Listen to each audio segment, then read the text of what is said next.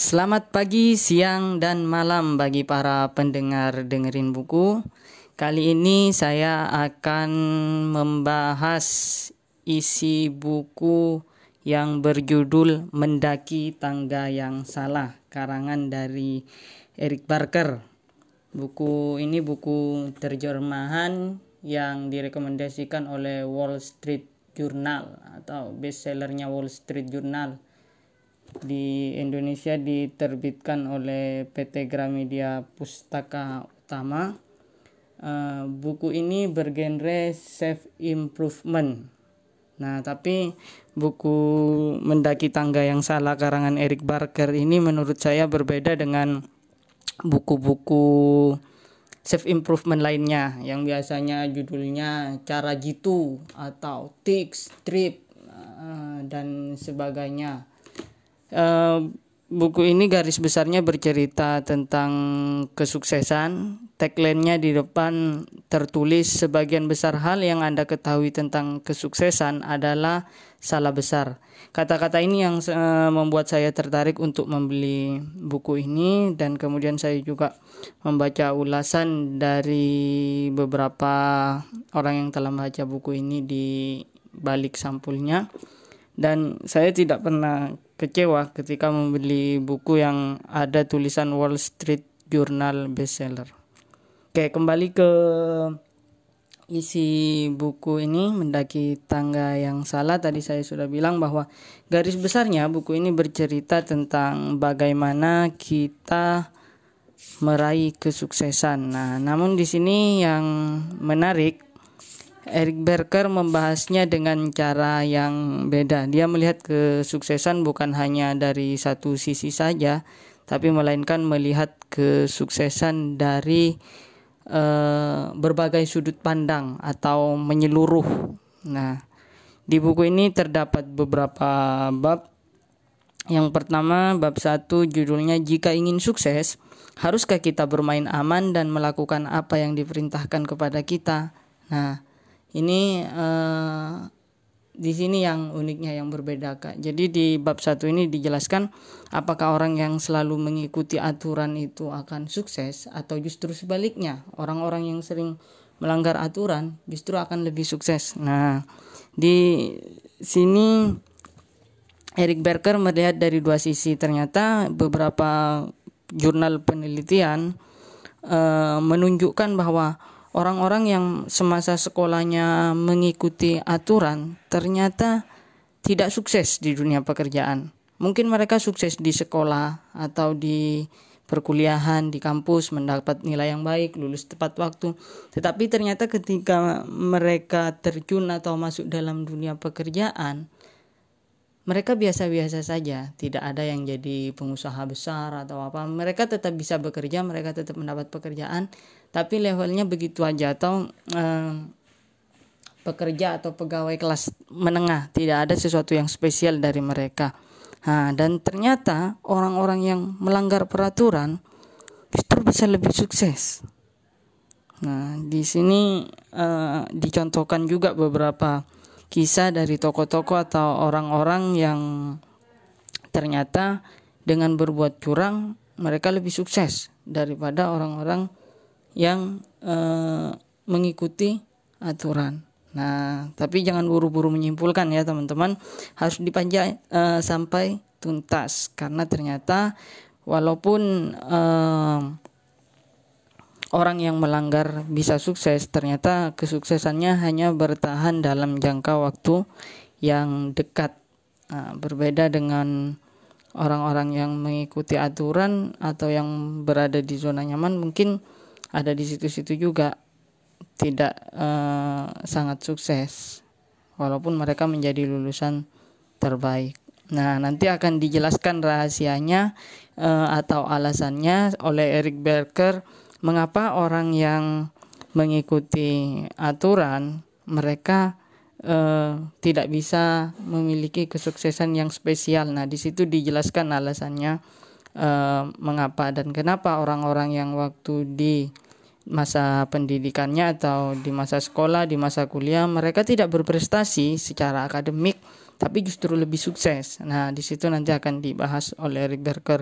Di dalam bab satu ini juga dijelaskan kisah kisah lainnya seperti misalkan ada seorang anak yang tidak merasakan nyeri.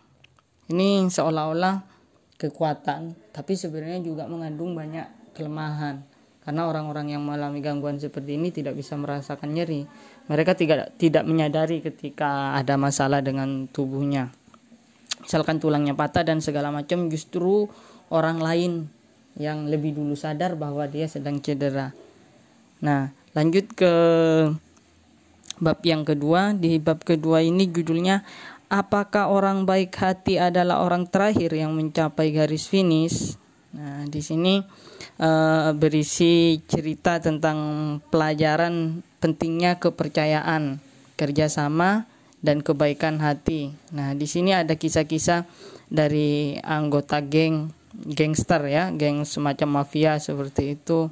Mengapa mafia-mafia itu bisa sukses besar? Nah, di sini dapat diambil pelajaran dari uh, para mafia ini ternyata. Kemudian juga cerita tentang bajak laut. Bagaimana di zaman dahulu bajak laut bisa sukses besar? Ternyata selama ini yang kita ketahui bahwa bajak laut itu kejam dan segalanya itu adalah bohong. Ternyata itu hanya branding. Nah tapi ternyata bajak laut ini memiliki aturan dan sistem kerjasama yang sangat baik. Kemudian di sini juga diceritakan pembunuh berantai yang sukses nah, sukses di sini dalam artian uh, dia tidak ketahuan oleh orang lain sampai uh, memiliki korban ratusan orang. Sebenarnya uh, pihak rumah sakit tempat dia bekerja tahu bahwa si dokter ini melakukan pelanggaran pelanggaran dalam medis yang menyebabkan kematian pada pasiennya karena dia memiliki gangguan psikis. Nah, tapi kenapa dia bisa sukses dan tetap berlanjut karirnya sampai bertahun-tahun sehingga korbannya semakin banyak? Nah, di sini pelajaran yang dapat diambil ternyata karena orang-orang sekitarnya tidak peduli. Pihak rumah sakit tahu bahwa dokter ini uh, membunuh pasiennya tapi tidak melaporkannya ke pihak yang berwajib karena ketika dokter ini dilaporkan yang dirugikan juga rumah sakit namanya rusak citra rumah sakit rusak sehingga pasien tidak akan datang. Nah di sini juga dijelaskan ya bahwa eh, apakah orang yang baik hati itu tidak akan sukses? Nah, misalnya orang yang mengalah dan segala macamnya. Nah di sini eh, banyak hal yang menarik di bab 2 ini dan yang Sebenarnya sih intinya menurut saya ada di bab 2 ini karena di dalam uh, bab 2 ini kita diajarkan bahwa untuk kiat sukses pertama kita harus memilih kolam yang tepat.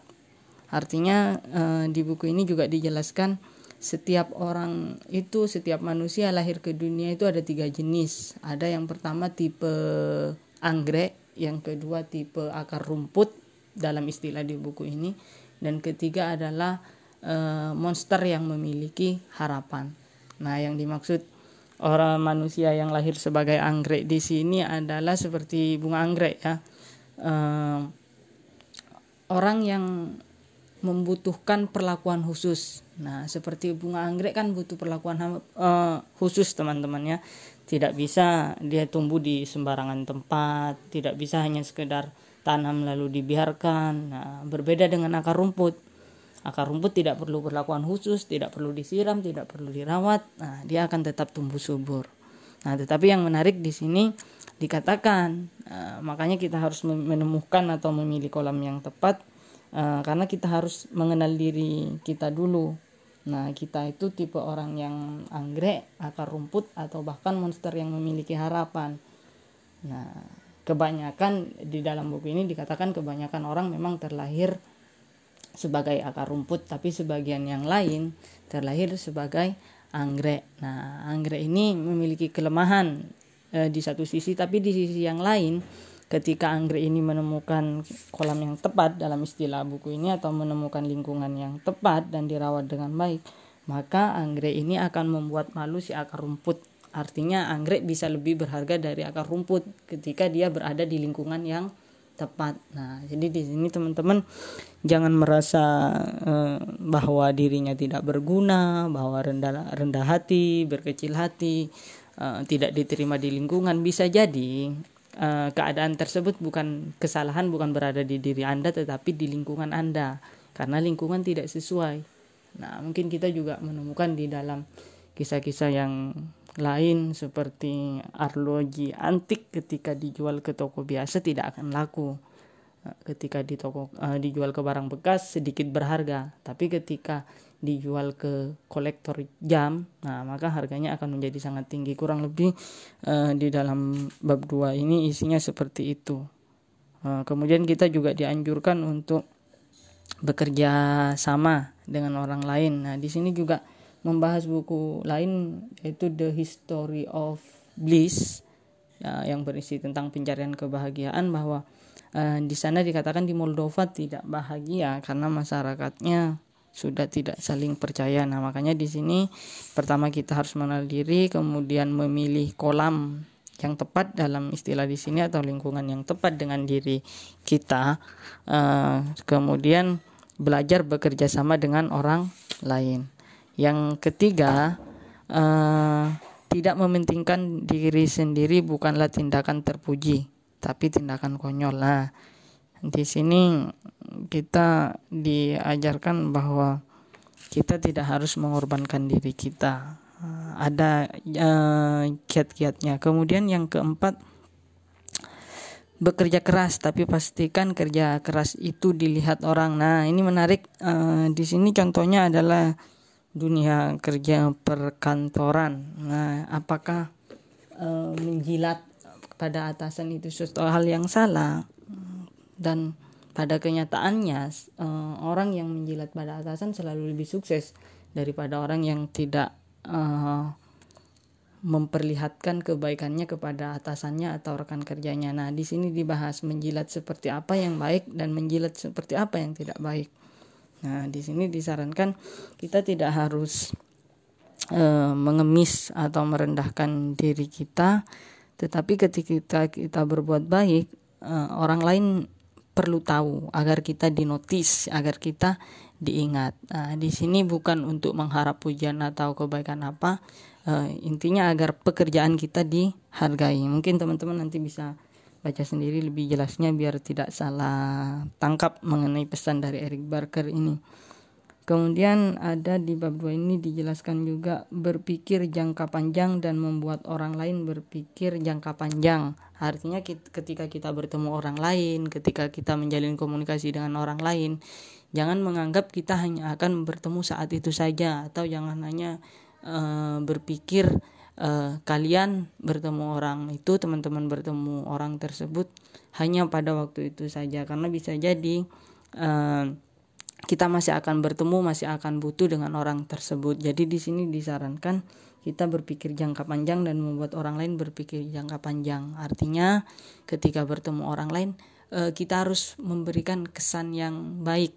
Nah, karena ketika kita memberikan kesan yang buruk, suatu saat ketika butuh orang tersebut, maka kita tidak dapat menjalin kerjasama di poin yang tadi sudah disebutkan.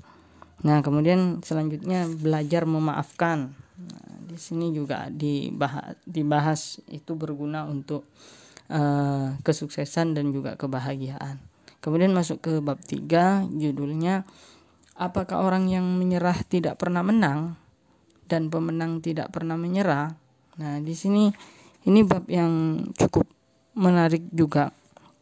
Di sini ada pelajaran dari Angkatan Laut Amerika, permainan video game, pernikahan yang dijodohkan dan Batman tentang keteguhan ketika mencapai kesuksesan itu sangat sulit.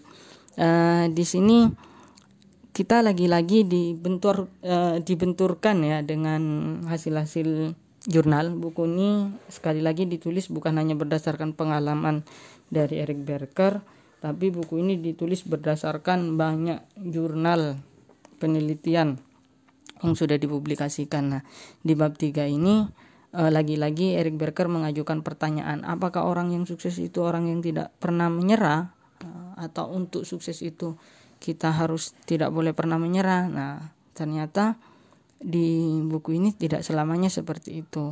Nah, walaupun memang kebanyakan orang yang sukses adalah orang yang tidak pernah menyerah. Di sini ada contoh dari uh, yang pertama Angkatan Laut Amerika ada semacam uh, seleksi untuk pasukan khusus yang di mana seleksinya sangat berat. Mungkin kalau di Indonesia sama dengan tentara kata ya, karena di sini dituliskan seleksinya itu uh, kit, uh, orang yang ikut seleksi tersebut disuruh menyelam tanpa alat selam sama sekali.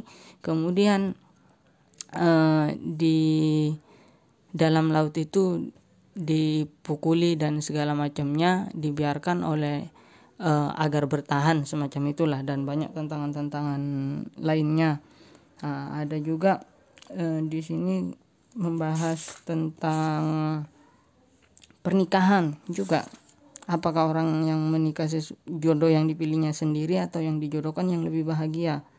Nah di sini ternyata uniknya ya walaupun ini Amerika eh, kalau nggak salah ya penelitiannya justru lebih banyak orang yang bahagia karena dijodohkan daripada yang eh, sudah kenal lebih dahulu atau berdasarkan pilihannya sendiri. Ternyata yang sedikit masa pengenalannya lebih bahagia Nah, kemudian di sini juga cerita tentang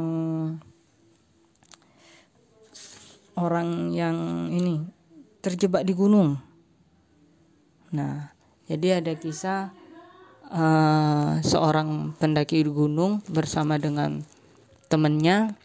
Dia mengalami kecelakaan karena cuaca buruk sampai-sampai kakinya tidak bisa digerakkan dia terjerembab ke dalam uh, jurang dan segala macamnya sudah dia tidak ada harapan tapi ternyata dia masih hidup dan berhasil uh, mundur atau kembali ke pos pendakian dengan selamat. Nah dengan tanpa menyerah.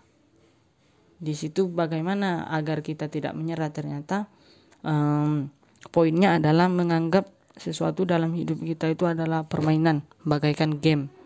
Di sini diajarkan menetapkan target. Nah, tapi di sini juga dijelaskan bahwa terkadang target itu tidak perlu. Nah bingung kan? Nah biar nggak bingung baca aja karena memang di sini uh, penulis memunculkan sesuatu yang kontradiktif kontradiktif kemudian Nah, makanya kita harus membacanya secara utuh baru kemudian bisa mengambil kesimpulan. Kemudian masuk ke bab 4. Di sini judulnya bukan apa yang ke bukan apa yang Anda ketahui tapi siapa yang Anda kenal. Nah, di sini ceritanya tentang kekuatan jejaring, kemudian perunding tawanan, pelawak dan manusia tercerdas yang pernah ada. Nah, di sini banyak kisah uh, di sini lebih melihat kesuksesan dari sudut pandang kepribadian. Jadi apakah kepribadian yang introvert atau ekstrovert yang lebih sukses? Nah, di sini uh, menariknya Eric Berker menunjukkan bahwa apa sih keuntungannya ekstrovert kenapa bisa sukses? Nah, karena di sini dia uh, seorang yang introvert memiliki kemampuan sosial yang sangat baik, bisa bergaul dengan orang banyak, artinya dia memiliki jejaring yang sangat luas. Hal ini yang dapat membantunya uh, untuk sukses. Nah, tapi ternyata banyak juga para ilmuwan-ilmuwan cerdas yang sukses dan mereka sama sekali tidak punya jejaring. Nah, di sini uh, disebutkan contohnya Albert Einstein, kemudian Thomas Alva Edison yang mana orang-orang ini tidak membutuhkan orang lain dalam hidupnya atau bahkan tidak bisa bekerja sama dengan orang lain tapi justru sukses. Nah, di sini juga dijelaskan bahwa um, banyak, banyak juga orang yang bukan ekstrim pada ekstrovert, bukan ekstrim pada introvert, justru ada di tengah-tengah yaitu ambivert. Nah, makanya kita harus mengenal diri kita, kemudian memanfaatkan kelemahan kita atau eh, merubah kelemahan kita menjadi kelebihan. Nah, di sini juga ada uh, tentang pentingnya berunding atau menggunakan negosiasi daripada kita harus melakukan kekerasan. Di sini contohnya adalah uh, tentang polisi ya, uh, di mana sebelum diketahui ilmu tentang perundingan banyak memakan korban ketika memaksakan untuk misalkan ada korban yang disandra kemudian polisi melakukan strateginya untuk membebaskan sandra itu lebih banyak korban tetapi setelah dilakukan penelitian uh, tentang bagaimana mempengaruhi seseorang dengan melakukan perundingan korban yang uh, ada menjadi sangat sedikit kemudian nah di sini bab 5 juga menarik tentang percaya pada diri sendiri sesekali. Nah, di sini dijelaskan bahwa uh, di bab-bab awal dijelaskan bahwa percaya diri itu sangat penting. Nah, tapi kemudian juga dijelaskan bahwa terlalu percaya diri itu bisa justru menyebabkan kita uh, apa ya pada kegagalan. Jadi uh, di sini banyak contohnya yaitu uh, tentang seorang juara catur, kemudian unit militer rahasia, seniman kungfu palsu, dan orang-orang yang tidak bisa merasakan takut. Nah, di sini dicontohkan misalkan pada juara catur ya, mungkin teman-teman ada uh, yang sudah mendengar tentang pertarungan antara juara catur dunia melawan komputer. Nah, di awal pengembangannya uh, sang pecatur ini menang mudah melawan komputer. Kemudian para peneliti komputer tersebut memperbaiki sistemnya, memperbaiki operasionalnya. Kemudian tanding lagi dengan atlet catur profesional tadi dan ternyata uh, komputer berhasil mengalahkan si pecatur profesional. Nah, kenapa? Karena kuncinya ternyata eh, waktu pertandingan pertama yang sang pecatur menang dia sangat percaya diri akan kemampuannya dan meremehkan si komputer tetapi di pertandingan eh, yang kedua di babak awalnya dia sangat percaya diri. Nah di babak kedua eh, dia juga sudah mulai goya percaya dirinya karena dia melihat langkah yang aneh dari komputer ini. Nah di tapi dia masih seri. Kemudian di ketiga dia kalah dan begitu seterusnya dia langsung kalah. Padahal ternyata setelah dibocorkan oleh peneliti komputer uh, gerakan aneh yang terjadi dari komputer tersebut dalam memainkan catur bukan hal yang strategis, tapi itu semacam virus yang tidak bisa dihilangkan uh, untuk mencegah error semacam itulah intinya. Nah, sedangkan si pecatur profesional ini berpikir itu strategi dari komputer dan merasa strateginya sudah terbaca. Nah, di situ dia kepercayaan dirinya turun, makanya dia kalah.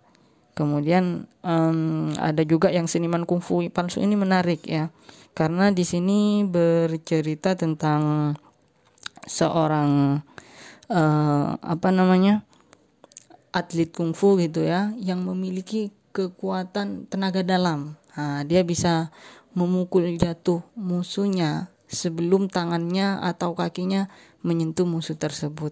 Nah, ini dipraktekkan di perguruannya berhasil. Nah, murid-muridnya yang baru mendekat dalam jarak satu meter atau intinya sebelum si tangan dan kaki pekungfu ini menyentuh e, lawannya, lawan sudah pasti terjatuh dan banyak orang telah membuktikannya benar. Nah, pad, uh, kemudian dia ditantang atlet uh, dari bela diri yang berbeda. Dia menerimanya karena sangat percaya diri bahwa dirinya memiliki uh, tenaga dalam. Ternyata ketika pertandingan melawan uh, atlet dari bela diri yang lain, baru satu pukulan langsung keok. Uh, ternyata uh, kemampuan tenaga dalam tadi sebenarnya tidak ada hanya karena orang-orang di sekitarnya percaya ada semacam uh, psikologis ya di sini yang mempengaruhi kekuatan dalam tersebut bekerja sehingga bagi orang yang tidak uh, percaya akan kekuatan dalam uh, tenaga dalam tersebut tidak bekerja. Nah, uh, kepercayaan diri yang terlalu tinggi akhirnya membuat si uh, kungfu ini merasa dirinya punya kekuatan dalam padahal arti uh, tenaga dalam. Padahal awalnya dia sendiri juga tidak percaya. Nah hal ini yang bisa membahayakan. Kemudian juga di sini ada cerita juga tentang seseorang yang mengalami gangguan uh, psikologis berupa tidak memiliki rasa takut. Jadi ketika dia dirampok ditodong dan lain sebagainya dia sama sekali tidak merasakan ketakutan. Nah hal ini di satu sisi mungkin kelihatannya kekuatan tapi ternyata tidak memiliki rasa takut. Itu juga kelemahan karena orang yang tidak memiliki rasa takut akhirnya tidak bisa belajar dari pengalamannya dan dalam kasus di sini seseorang tersebut meskipun sudah dirampok berkali-kali dia tetap melewati gang yang sama uh, artinya tidak menghindari sesuatu yang bisa membahayakan dirinya karena dia sudah tidak mempunyai lagi rasa takut. Nah, jadi ternyata rasa takut dalam diri kita itu juga diperlukan. Nah, ini menariknya buku ini sekali lagi Eric Barker ini benar-benar melihat uh, sesuatu itu secara luas, tidak hanya dari satu sisi saja. Ya, jadi dia di sini mengatakan percaya diri itu perlu Nah, karena kalau kita tidak percaya diri, kita tidak akan sukses. Tapi terlalu percaya diri juga berbahaya bagi diri kita. Nah, kemudian yang ketiga ini mirip-mirip slogan Pak Jokowi ya di bab 6 isinya adalah kerja kerja kerja atau keseimbangan kerja dan hidup. Nah, di sini uh, banyak contoh ekstrim ya. Di sini dikatakan cara menemukan keseimbangan antara rumah dan kantor, pelajaran dari Spider-Man, pendeta Buddhis Albert Einstein, para pegulat profesional dan Genghis Khan. Nah, di sini lagi-lagi yang dibenturkan oleh Eric Berger adalah apakah untuk sukses kita harus kerja dengan sangat serius, artinya full kita konsentrasi kerja kerja kerja atau kita perlu kerja diimbangi dengan rasa santai. Kerja tapi santai. Nah, mana yang lebih baik? Nah, di awal bab ini Eric Berger mencontohkan orang-orang yang sukses karena keteguhannya yang waktunya hampir 24 jam dihabiskan fokus untuk bekerja atau mengam, e, mengasah keterampilannya. Misalkan di sini e, diceritakan ada atlet profesional e, atlet baseball yang hampir seluruh hidupnya dihabiskan untuk e, latihan. Ketika kawan-kawannya uh, sudah selesai latihan dia masih terus uh, latihan di lapangan sampai uh, stadion tersebut dimatikan lampunya. Atau sebelum orang-orang datang dia sudah datang duluan. Nah akhirnya orang ini benar-benar mencapai kesuksesan tidak ada yang mengalahkan rekornya kemudian begitu juga Albert Einstein yang hampir seluruh hidupnya dihabiskan untuk pekerjaannya ada juga di sini tentang pegulat profesional nah tentang jengiskan juga yang ya, di masa itu meraih sukses karena kerja kerasnya. Nah, tapi yang menarik juga di sini dicontohkan Spider-Man. Nah, ada apa dengan Spider-Man? Um, mungkin teman-teman ingat Spider-Man ketika Spider-Man berapa itu ya yang memakai baju hitam. Nah, di situ di awal memakai baju hitam itu Spider-Man memiliki merasakan dirinya memiliki kekuatan yang lebih dari sebelumnya.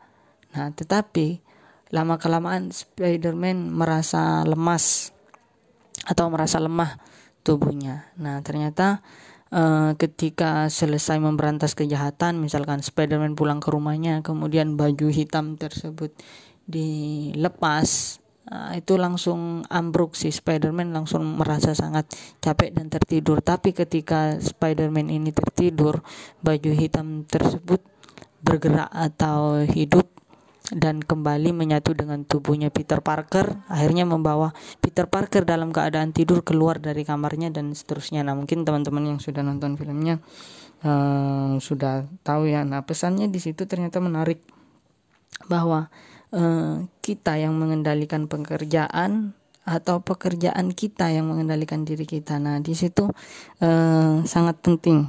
Jadi jangan sampai pekerjaan yang mengendalikan kita, uh, tapi sebaliknya kita yang harus mengendalikan pekerjaan kita.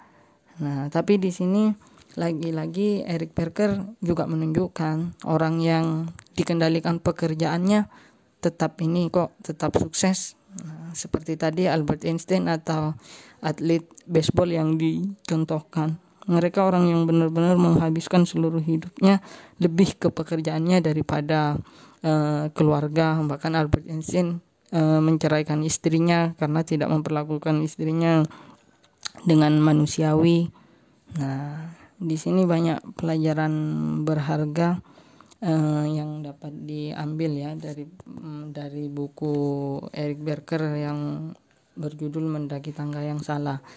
Sekali lagi kekuatan buku ini uh, karena ditulis berdasarkan jurnal penelitian, kemudian variabel variabel-variabel yang dimunculkan adalah variabel-variabel yang bertentangan. Jadi kita bisa lebih melihatnya secara menyeluruh atau bisa dikatakan lebih bijak.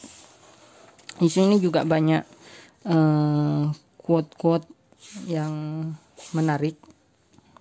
Di sini juga membahas banyak membahas tentang variabel-variabel psikologi. Jadi kalau bagi mahasiswa uh, psikologi menurut saya buku ini walaupun bukan buku ajar, bukan buku teoritis, tapi uh, cukup bagus untuk dijadikan bahan bacaan dan saya yakin uh, apalagi yang berminat uh, di penjurusan PIO banyak sekali di sini variabel-variabel yang ditawarkan. Oke, mungkin sekian dulu untuk uh, dengerin buku edisi yang pertama. Uh, silakan jangan membaca buku tapi jangan beli buku bajakan atau PDF-PDF yang bajakan ya. Kalau belum punya cukup uang untuk membeli buku fisik yang legal, silakan cari buku daring atau buku online tapi yang legal. Nah, caranya gimana? Salah satunya bisa download aplikasi iPusnas atau iPusnas di situ banyak Eh, buku-buku uh, yang bisa didapatkan secara gratis dan legal. Oke, terima kasih. Sampai jumpa di buku-buku berikutnya. Semoga bermanfaat.